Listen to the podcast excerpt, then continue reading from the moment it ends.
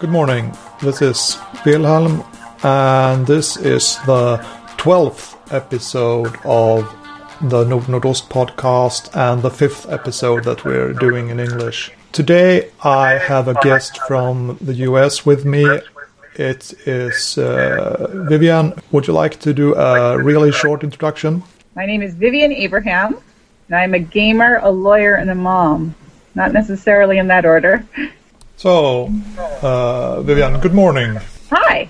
Good morning. Um, good good dog? I don't know. I tried. I looked it up online, but I the problem is that I don't know how to pronounce the Swedish, even though I could read it. uh, good enough. Good dog. There you go. So I'm doing this podcast, the Nord Nordost podcast, and that would be North by Northeast and I have set my mind into uh, meeting people from across the globe and talk about gaming with them because I want to know what gaming looks like in other parts of the world. Mostly tabletop role playing, but we can drift into other areas as well. Have you been doing podcasts for long? A few months. We have uh, 11 episodes this far, but only four of those are in English, the other seven are in plain Swedish. Yes, I, I, I liked your webpage. Hello, foreign people. no, but it's uh, quite intentional. I we can uh, in Europe we can of course access American and English games because we learn English in school, mm-hmm. but it's not always the same way around. Suppose it would be rather hard for you to see what the Swedish scene is about because we write everything in Swedish. Yeah, it's it's very true. Since I joined Google Plus, I've sort of met a lot of gamers in sort of all over Scandinavia, and it's fascinating to me because I've never been exposed to gaming culture outside of the United States. So I find it very interesting. Um, from what I gather, which is a very small and, and probably not accurate sample of gamers, um, there's a lot more LARPing than there is over here. I'm not sure. Of course, there's a lot of LARPs going here uh, I think they're a bit different than the LARPs you're seeing in the US, but I'm not into the LARP scene myself, so I can only go on hearsay there. Well, let me tell you a little bit about sort of my history as a gamer, if you want. I started playing uh, Dungeons and Dragons when I was seven, and uh, it was because my family played. Um, my parents played, so uh, I got introduced to it at a very early age, and then when I went to go and find gamers outside of my family, they were all boys. And, you know, at that time being, I don't know, 10 or 12, they wanted nothing to do with me at all. um, so it took a very long time before I found sort of a regular group of people to play with. And, and, and that didn't really happen because I went to an all girls high school. That really didn't happen until college. Um, over here, women are not a smaller percentage of gamers in general. And although I happen to live in a part of the United States where that's not true, there's lots of women gamers in Boston, in the Boston area.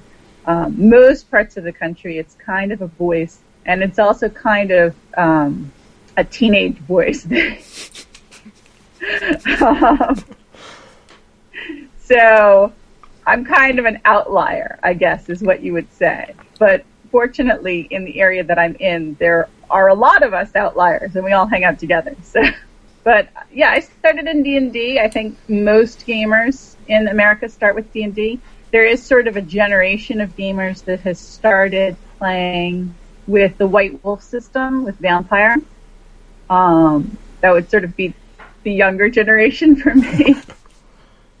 um, but those really are sort of the entry points. And then once people start playing and seeing what's out there, then they can uh, discover all sorts of stuff.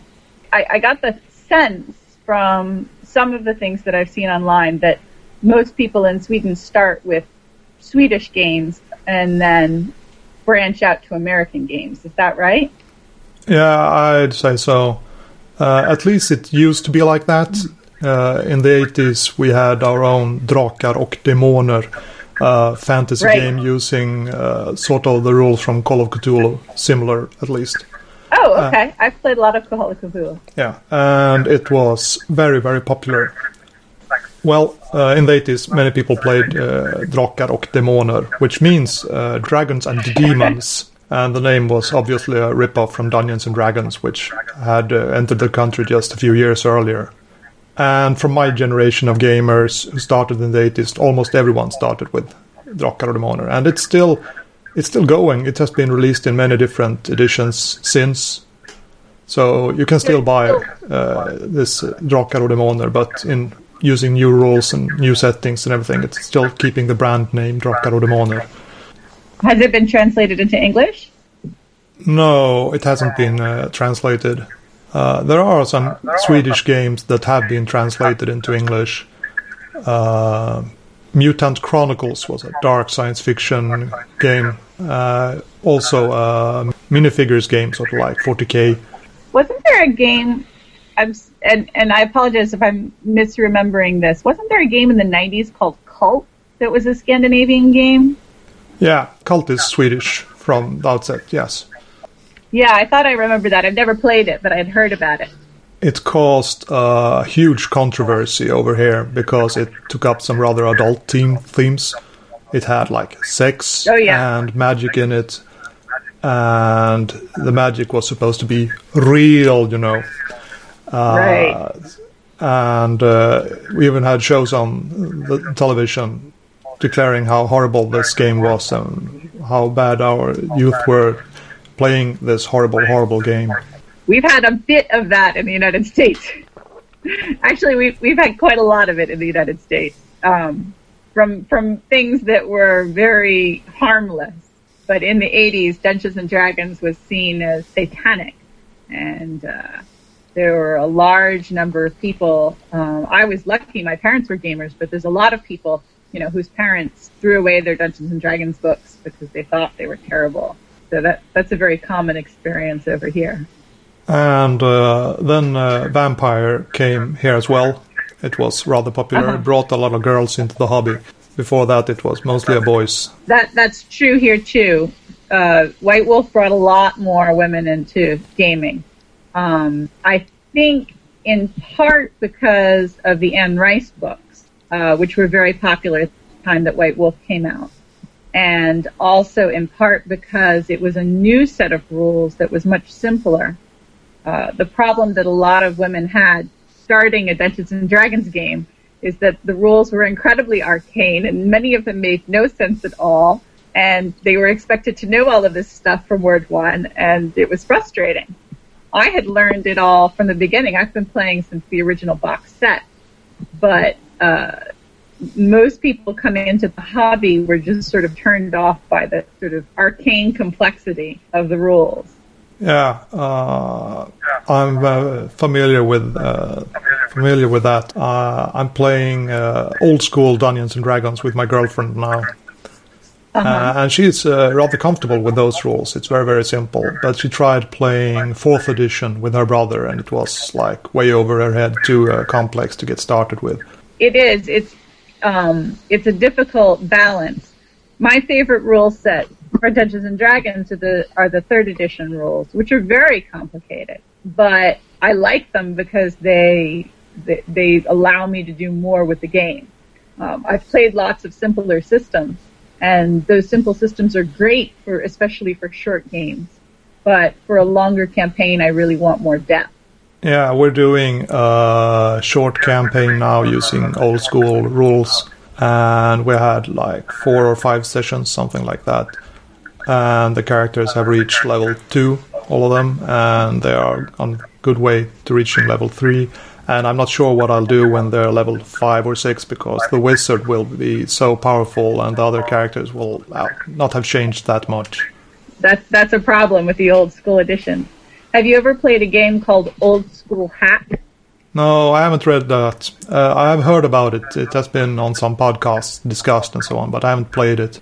It's very nice. It's uh, it it captures the feel of a retro game with a much simpler rule set, but uh, it's fun. It's a lot of fun. Uh, I've run it. I've run it at conventions, and uh, it's been very successful.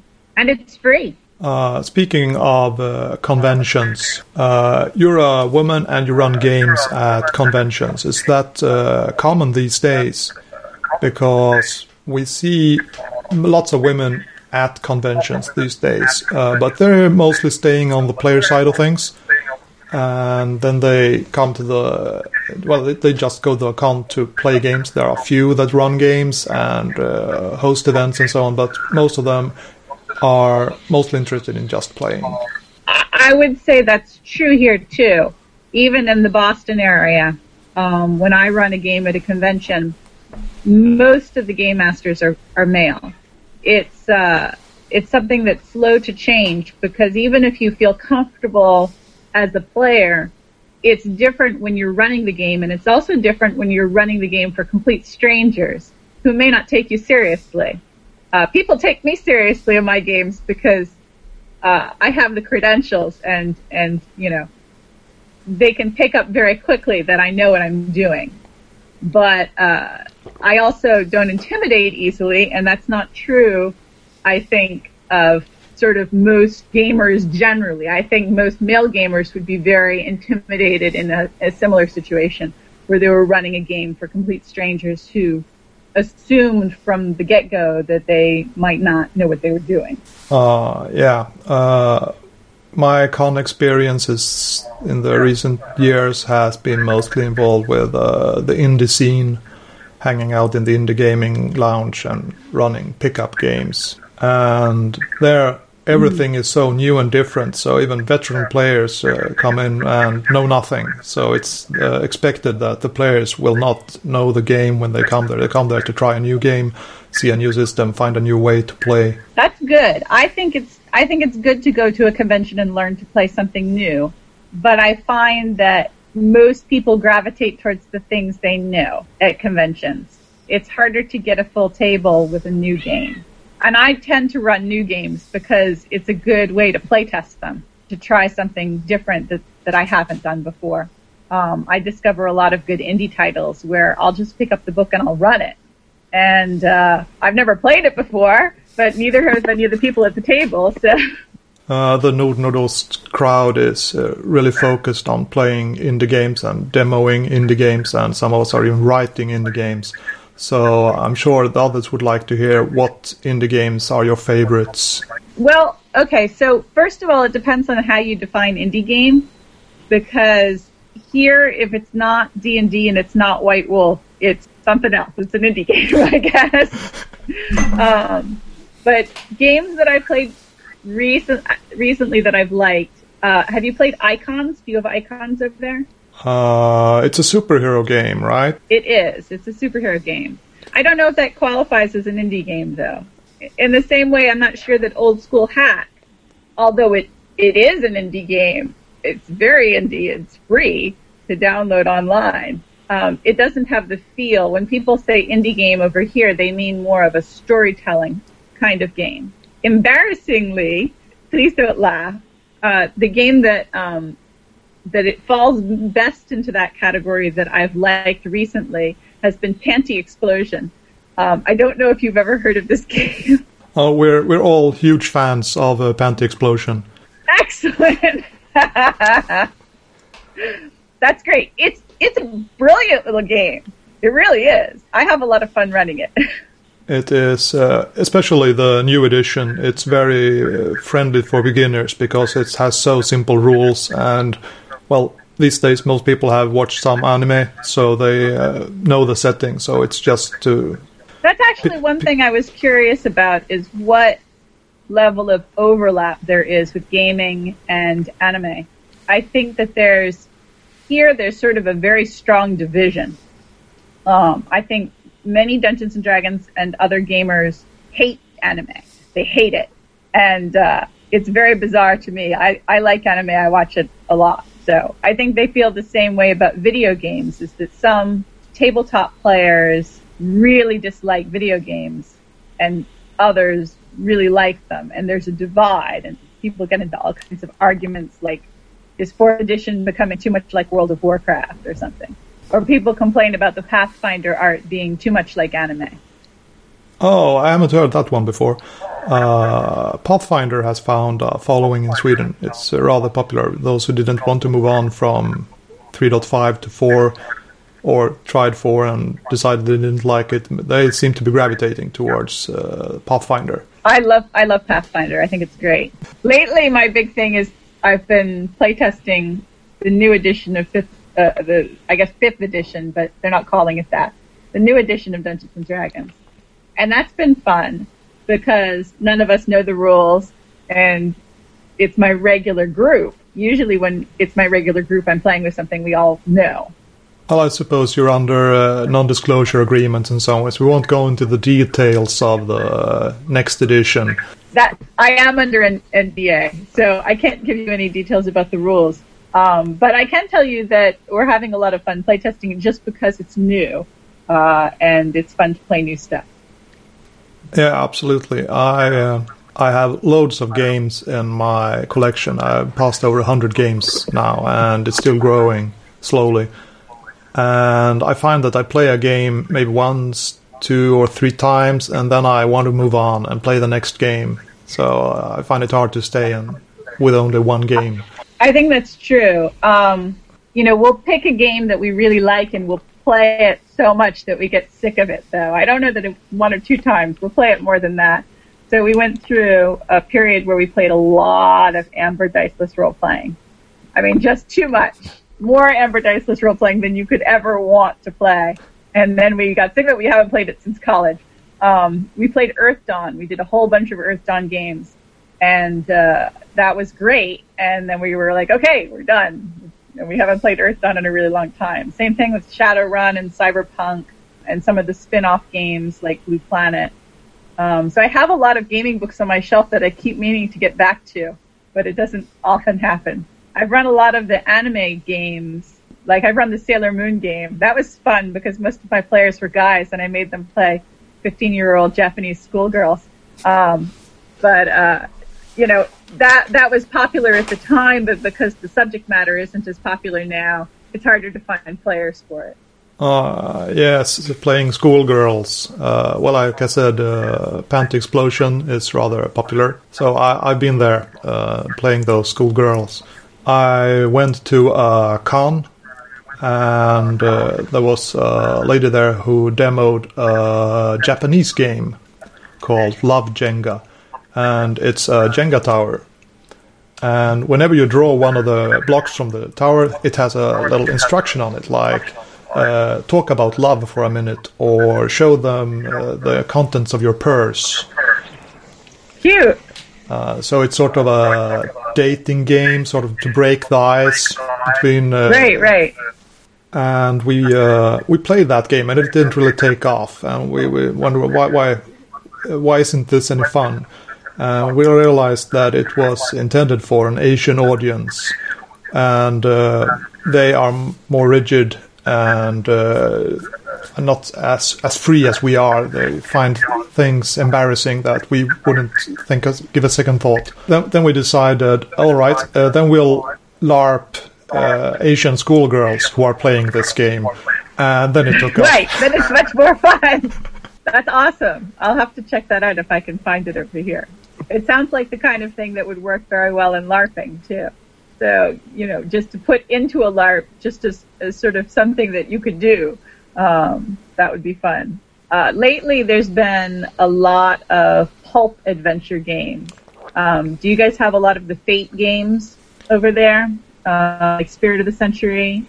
Uh, the Spirit of the Century has made its way over here, and uh, there was some talk about the Dresden Files role-playing game when it right. first came out, but I haven't met anyone who claims to have played it.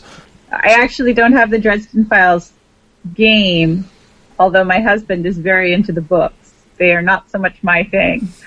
Um, and then and then there's sort of a whole Victorian steampunk before that uh, that started with Castle Falkenstein and then continued on with um, uh, games like Seventh Sea, which were a lot of fun. It's sort of interesting how different genres you know, they'll, they'll be the new genre of the day and everybody will get excited and write a role playing game about it. And maybe three of them will be good and then that time will pass and we'll go on to something else.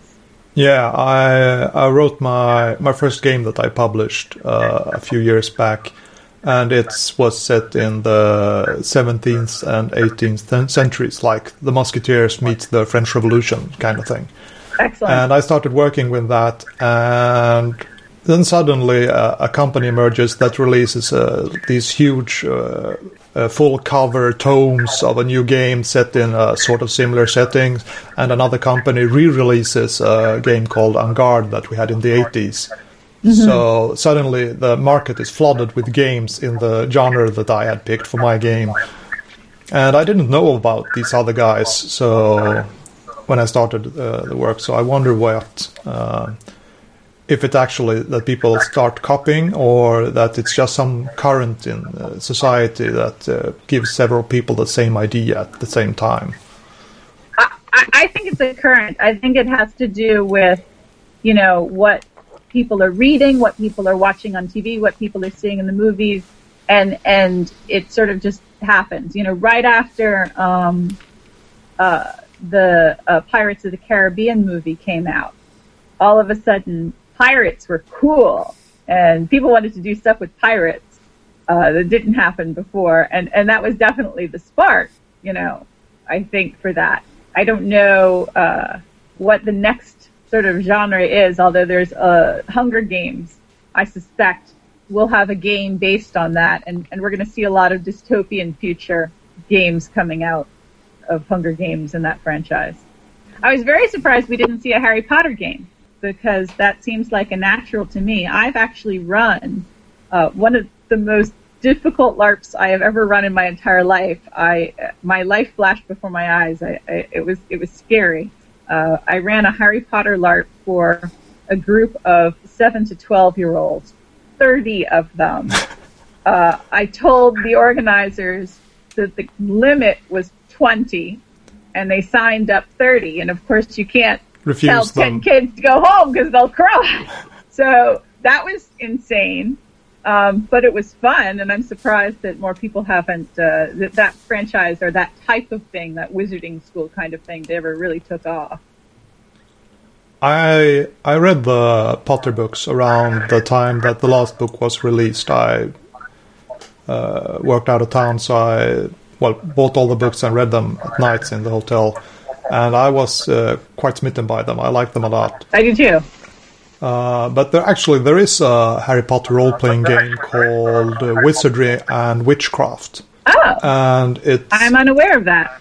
It's uh, a Swedish guy who wrote it. I can't remember his name now, but he wrote it in English, so you can uh, find it on the net and download it. And of course, it's not a sanctioned game by Rowling, so he has filed off all the serial numbers. So you're playing at a magical academy, not specifically Hogwarts and so Right. on. But uh, it's Right. a it's a good game. It uh, uh, ma- uh, makes a good job of uh, replicating the feel of the books. Right. I, I, I know that a lot of people have uh, individually run, although maybe not published, but individually run sort of games, Harry Potter games with the numbers filed off. But uh, uh, because I was running at a convention and it was a one shot, I just ran it in Harry Potter and I stole everything and no one's going to care. I'll uh, I'll put a link to the game in the show notes so you can uh, can get it if you want. Oh, thank you. Thanks. I would love to take a look at it. It's funny. I have a five-year-old, so there was a long period of time where I did not have any time to game, and I kept sort of gradually building up more time.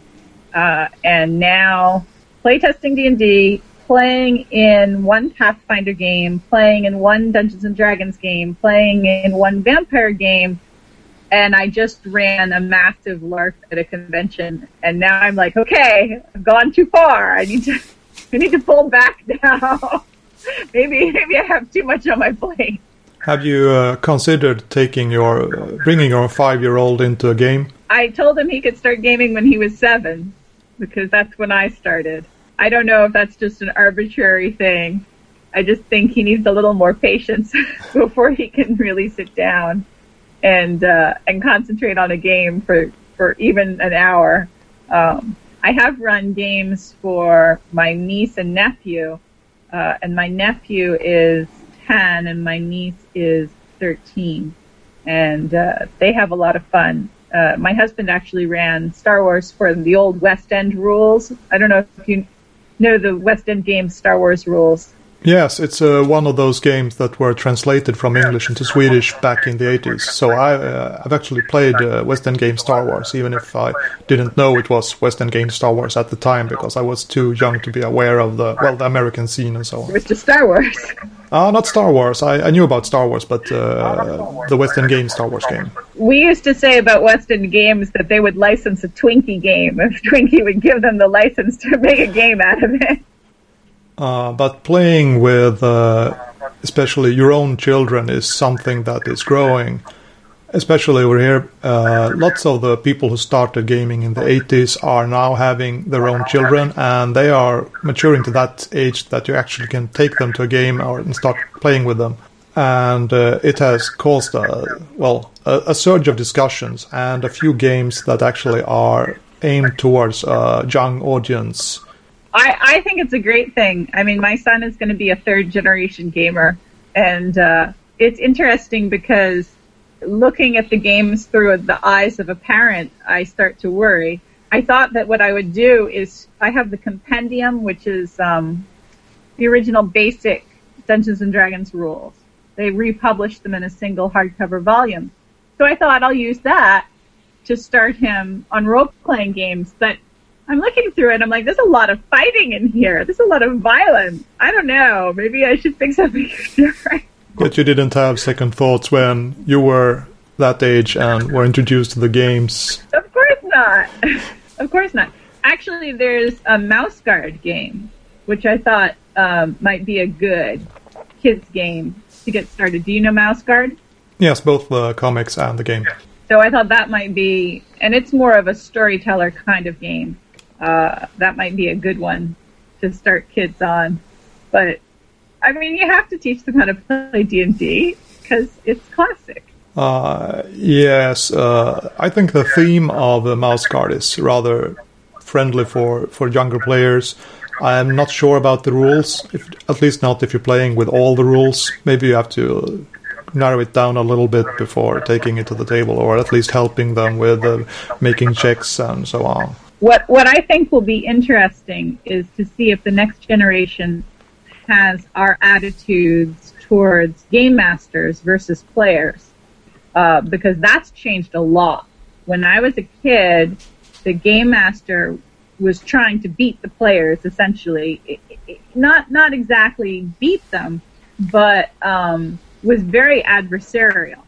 It was a very adversarial relationship, and uh, and there was sort of a certain amount of glee that you got as a game master when you killed off a player. You're like, ha ha ha ha ha. Um, and it it was an attitude that that the players didn't mind that. They felt like it sort of added to the challenge, uh, and it made the bad guys sort of more villainous if uh, if they were really having to struggle to fight them. The games were harder in those days. It was much harder to win.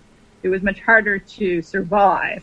You had four hit points and a magic missile if you were lucky. And that was it. um, and when you cast that magic missile, it was gone. So, so the games now are more cooperative. They're more, let's all tell a story together. The players have a lot more power to change the environment where they can say, you know, oh, I grabbed that torch off of the wall. And the GM will say, but I didn't put a torch there. And they're like, no, but I spend a card or a point or a token. And now there's a torch on the wall and I grab it. That couldn't have happened when I was a kid. So, um, it, it'll be interesting to, to see what it will be like for people that just assume we're all telling the story together. We all have sort of, if not equal say, we all have a say. Have you played any games that have removed the game master entirely? Story games, GMless games, and so on? I have never played a GMless game. Not not a real role playing game. Oh, what is a real role playing game then? Do you have to have a game master for it to be a role playing game, or No, no, no, no. I don't think you have to have a game master to, for it to be a role playing game. I, I can imagine a game that's a role playing game with no game master. I've just never played one. Um, and I would distinguish it from something like a board game. Because that was they were a huge deal to me, a great, a huge shift in how we were playing game. And once we had played a few of them, uh, it had a real impact on how we played traditional games. Players really, uh, like you said, uh, take a torch off the wall, and that grew so much. And even traditional games start having this uh, GMless component to us now. That's really interesting. I, I would love to play one. I just they have not caught on here at all. Uh, maybe I should give you some recommendations for awesome GMless games then. Sure. Uh, I'm trying to remember. There was a game, and I'm going to mispronounce it because I've never actually played it.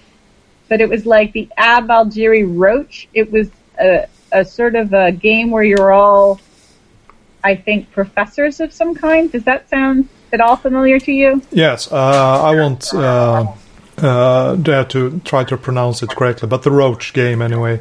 The Roach game. yeah, I played that one. Yes, you're playing uh, professors at some university somewhere, and there's a mind controlling bug that uh, is that a. GMless game? I don't know. I've yes, it, it's it's it. a GMless game. It's oh, one excellent. of the early ones. Then I'll have to try. I'll have to try that because I know some friends who have played that uh, and liked it. Yes, but I do think that in addition to sort of the players becoming more empowered in the game and feeling more ownership, there's also an expectation that the players will succeed in whatever it is they're trying to do. And I think that's been, that maybe have, has gone too far to the point where in fourth edition it's very hard not to to have the players win if you're if you're playing a, a reasonable any sort of reasonable scenario. Uh, yeah, there are some competitive GMless games, but there's not a lot of those. I think most of the GMless games are focused on telling an interesting story or something like that. Well, I don't necessarily think they need to be competitive against other players. That's that to me is sort of the beauty of Dungeons and Dragons. You know, is the beauty of sort of a traditional role playing game is it's a cooperative game, but you can still lose, and uh, and that's there's still challenge. It it takes the place. We used to say it takes the place of team sports for those of us who are unathletic, right? Um, so I was always terrible at sports. Uh, but I know how to get a team together and lead them to victory because it's Dungeons and Dragons. So now, I have a question for you. Okay. Uh, I just read, this is actually about Norway, not Sweden. I just read that one of you, the Norway's uh, ministers admitted that he is a huge Dungeons and Dragons fan and plays LARPs and does all of this stuff. And uh, I found it very interesting because that would never, ever happen in America. Yes. Uh, well, that's in Norway, and I'm in Sweden, so I won't uh, I know, say, I say, say too say too much about it. But uh, uh, the news rippled here at least, and it it didn't raise any eyebrows really. Uh, it, it was, uh, of course, fun to see that. Oh, he's a gamer. Uh, cool. But uh, it wasn't a huge controversy. It, didn't. Could you imagine that happening in Sweden? Yeah, absolutely. And uh, the pirate party started here in Sweden. Oh, so the pirate party! We had the pirate party in Somerville, which is the city that I actually live in. It's the town that's right outside of Boston. yeah. It's, it's kind of part of the larger Boston area.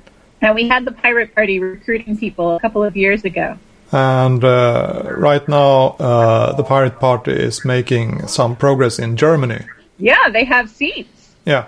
And uh, when we had the elections for the European Union a few years back, we voted uh, one or two Pirate Party members in there as well. And they're, they're causing a ruckus by protesting and telling everyone, oh, they're making these things that are very, well, the Pirate Party is about isn't really about well, the the right to copy software. I think they're mostly about uh, protecting uh, privacy and so on these days. I think anything that gets people involved in government is good. But I think that the people who tend to get involved in government in America are extremely conservative, or at least have to appear to be extremely conservative in what they do for fun. And if any of them admitted to playing Dungeons and Dragons, it would uh, it would not go over well at all. And I noticed this. I, I'm a lawyer. I went to law school. Um, I know that in different European countries it's different, and I don't know how it is in Sweden. Uh, in um, America, you go to a regular four-year college, and then additionally, you go to law school afterwards for three years. So the people that I went to school with were all going to be lawyers, and they were the most boring people I've ever met in my entire life. And I could only find one of them who would admit to playing Dungeons and Dragons, and even then was sort of like, "Oh, it's something I did when I was a kid." You know?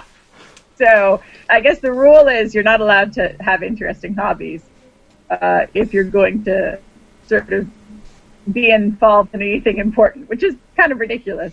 But the, there you go. Uh, it's a shame. It is. It is a shame, and um, I guess it's a, it's a very strong divide between my professional life and my hobby life. And you contrast that to my husband. My husband works for Akamai, I don't know if you know them. They're a big uh, internet company, and um, all of the people he works with are gamers. all of them. They've gamed in their offices.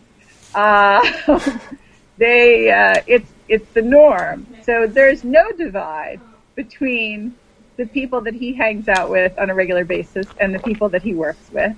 Uh, and that's true, I think, for most software companies and, and other sort of internet companies uh, that that no one would blink if someone said they play Dungeons and Dragons. Whereas at my office, it would be like, "Really, you play Dungeons and Dragons? Really?"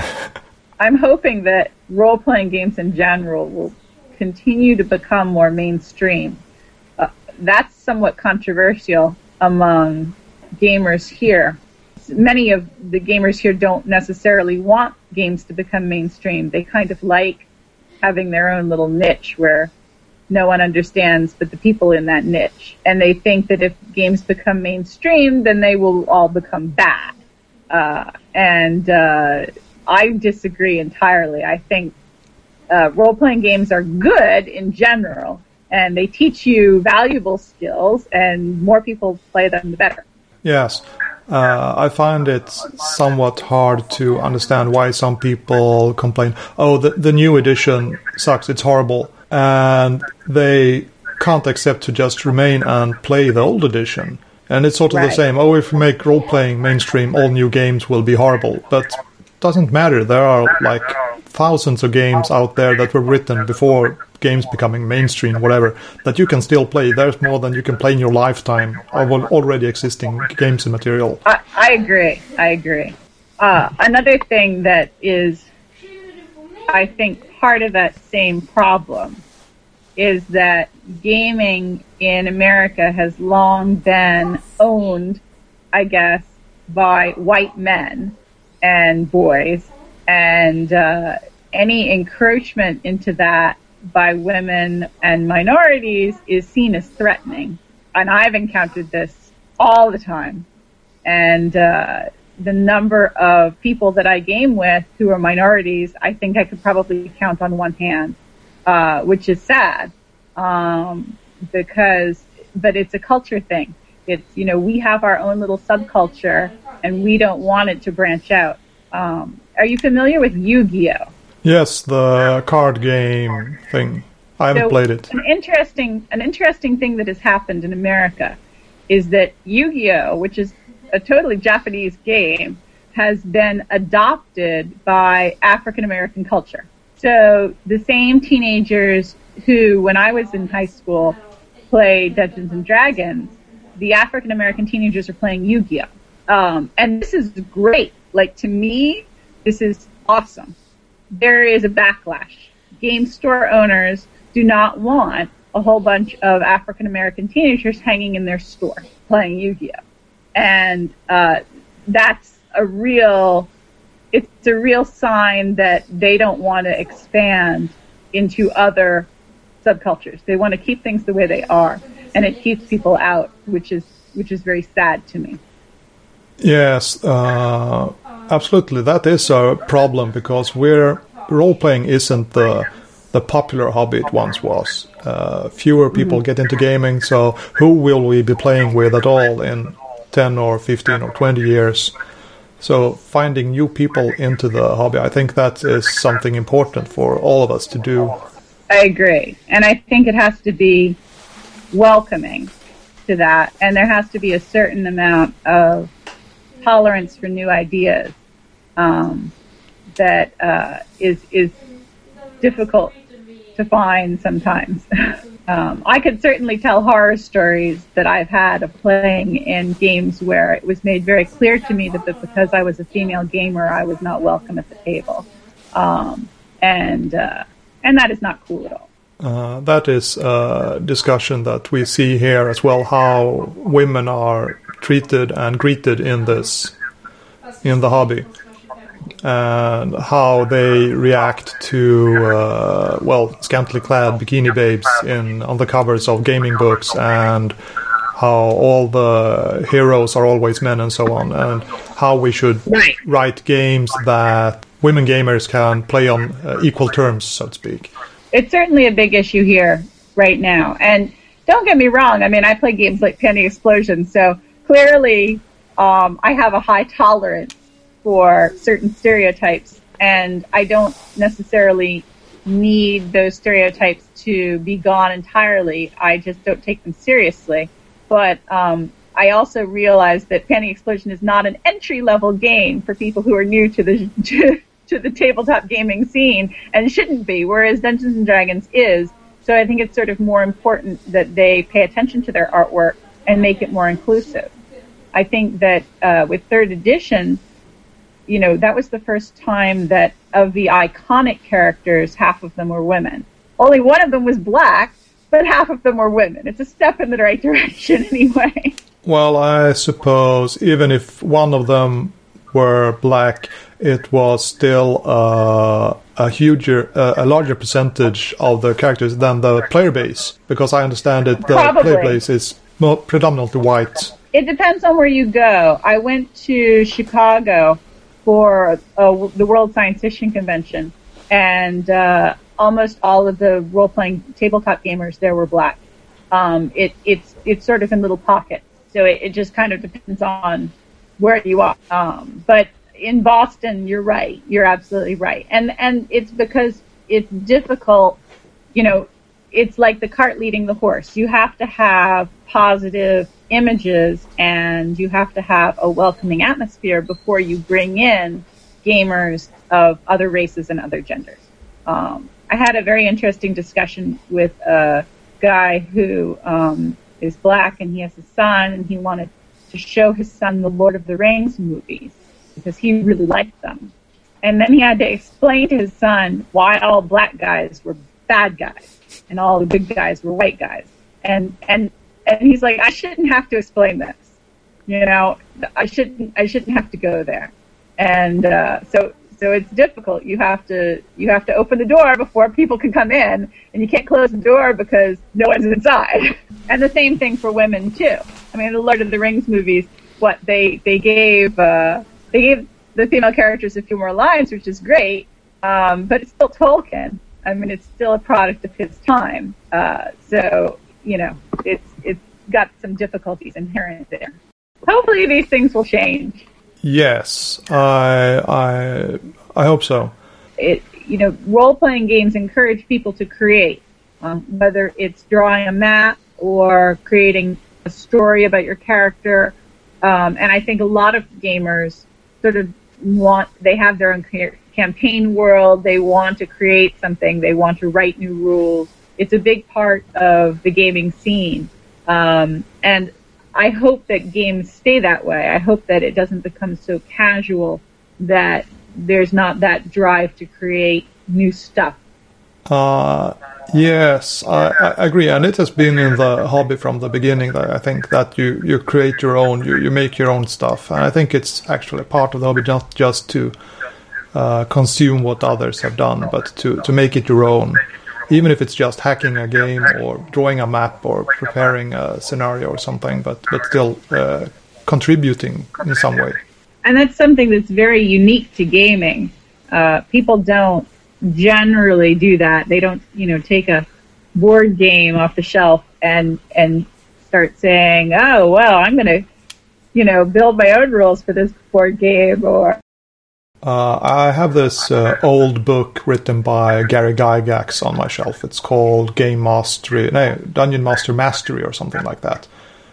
Uh-huh. And in the final chapter, he actually talks about uh, how to proceed to the next level of uh, mastery. That is to to write your own game, because uh, first you can play, and then you can learn how to be a dungeon master. And but to really be a complete gamer, you have to make your own game.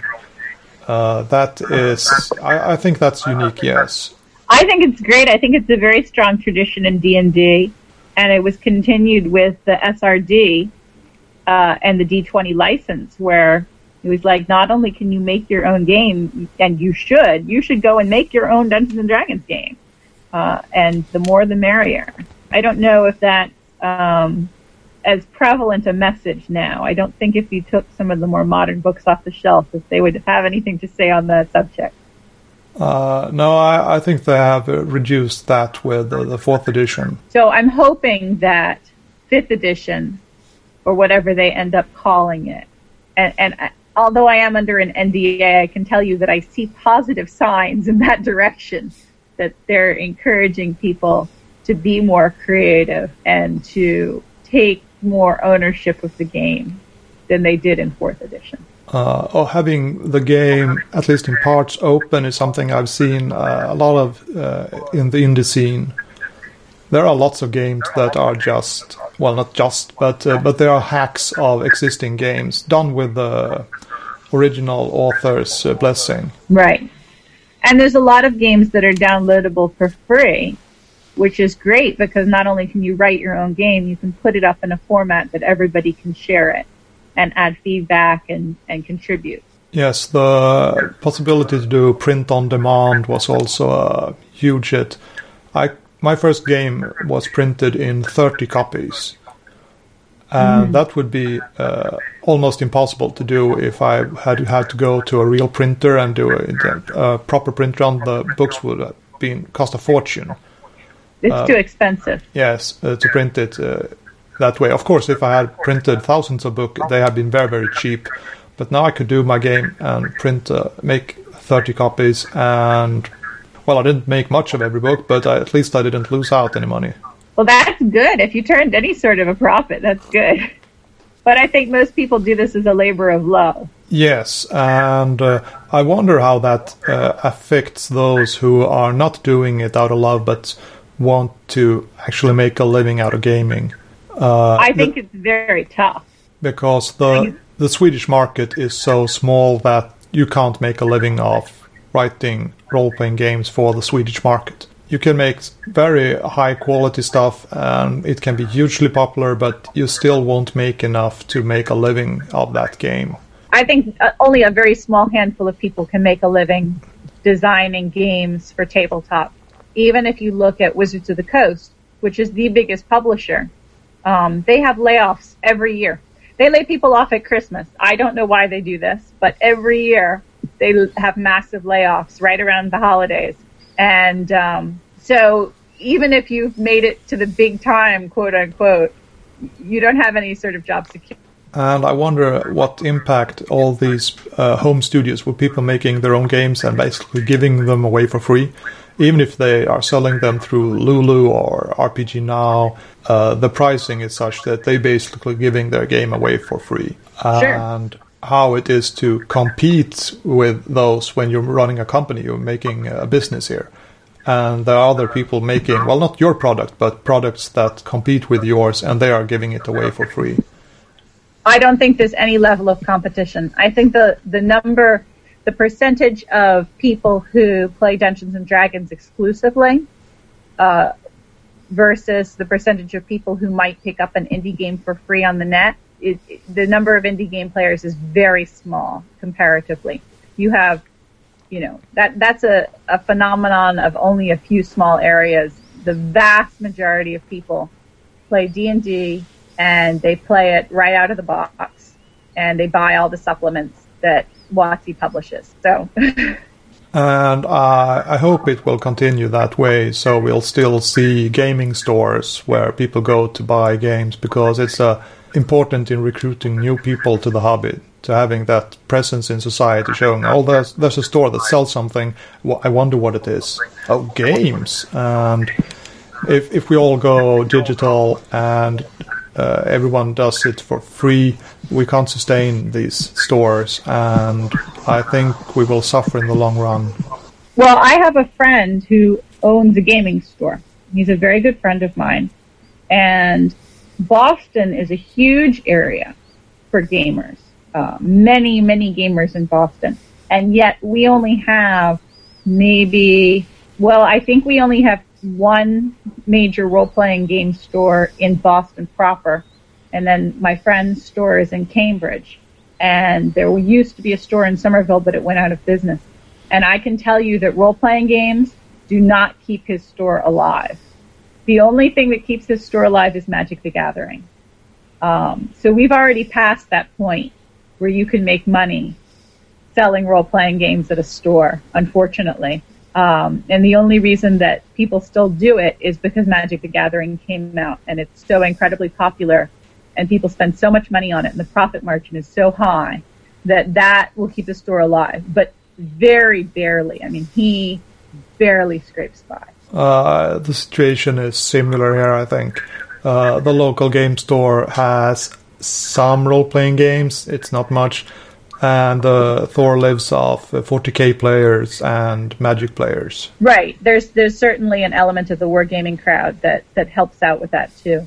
But most of it, I think, is Magic. The there are fewer and fewer uh, wargamers. There used to be Citadel had a store in Cambridge, but it closed a while ago. I'm interested in uh, what games you are playing uh, right now? What what's actually happening? How do you meet? Where where do you play? I understand that uh, it's not uncommon in the states to play in the game store. It is common to play in the gaming store, but in my generation, and, and you know, we're, we're, I'm a little older than you, but not too much. Um, in in my generation, we tend to play at people's houses. So the three ongoing games that I'm playing in are all at people's houses. Two of them are at my house because I have a five year old who goes to bed at 7:30. So um, it's a lot easier for me if it's at if I host it. Uh, one of them my husband is running. One of them a friend of mine is running, and uh, and then there's another that a friend another friend of mine is running that I play at his house. So I think um, at least that's been the case for some time for me is that I don't really play a lot in gaming stores. But there are games going on in the local gaming store. And I'm sure in other places too. Uh, I remember when I was younger, we used to play in the library. Sometimes we would find a friendly librarian who would let us play. Uh, and a lot of people play at school after school. And of course, at colleges, you play wherever. I haven't been to any uh, cons, uh, well, basically outside Sweden and Norway then, but uh, I understand that you run your cons in hotels or in conference areas and uh, such. And we see these pictures from these uh, events, and there's this huge hall, and there's like 10 or 15 or 20 tables, and there's people playing role playing games at every table. Uh, how does that really work? Because I suppose you will be disturbing and have to scream to each other in order to be heard. It can get noisy, um, but that's very much how it's done. They're run at hotels and conference centers, and there's usually a big gaming room, which is normally like a big ballroom, you know, for the for the hotel or a big conference room, and uh, you have a table, and you have to shout to make yourself heard sometimes, but but everybody's playing at the same time it's an interesting environment to play in. I would never be able to run something like Call of Cthulhu at a convention because the atmosphere does not lend itself towards sort of a creepier vibe. I guess you know, but but other people do it, so I guess it's possible. Uh, and I, I, would like to try playing that in some kind, some way. And it would be interesting to have interesting to have one of you guys coming over to experience a con here in Sweden, because we uh, don't go to hotels and uh, conference areas and so on, but we meet up in uh, the the con, con organizers borrow a school, so every every single group gets their own classroom to play in. So you're alone. You have this huge uh, room to play in, and no one will disturb you for four or five hours. That's great. Um, it's not. It's not at all like that. But I do think that people go to conventions to experience something different from their normal tabletop group, and and you have to admit that is different. Yes. There's definitely a great energy uh, about those big rooms, um, and here also usually more things are going on than just gaming In the same room or at the convention. at the convention. So, um, for example, one of the popular conventions in Boston is called Arisia. And Arisia is sort of an all-purpose convention. Uh, we have science fiction, we have fantasy, we have anime, we have gaming. Um, there's a costume contest, there are dances, uh, there are panels on various subjects. There's a big dealer's room where people sell things. There's an art show, and there's a gaming room.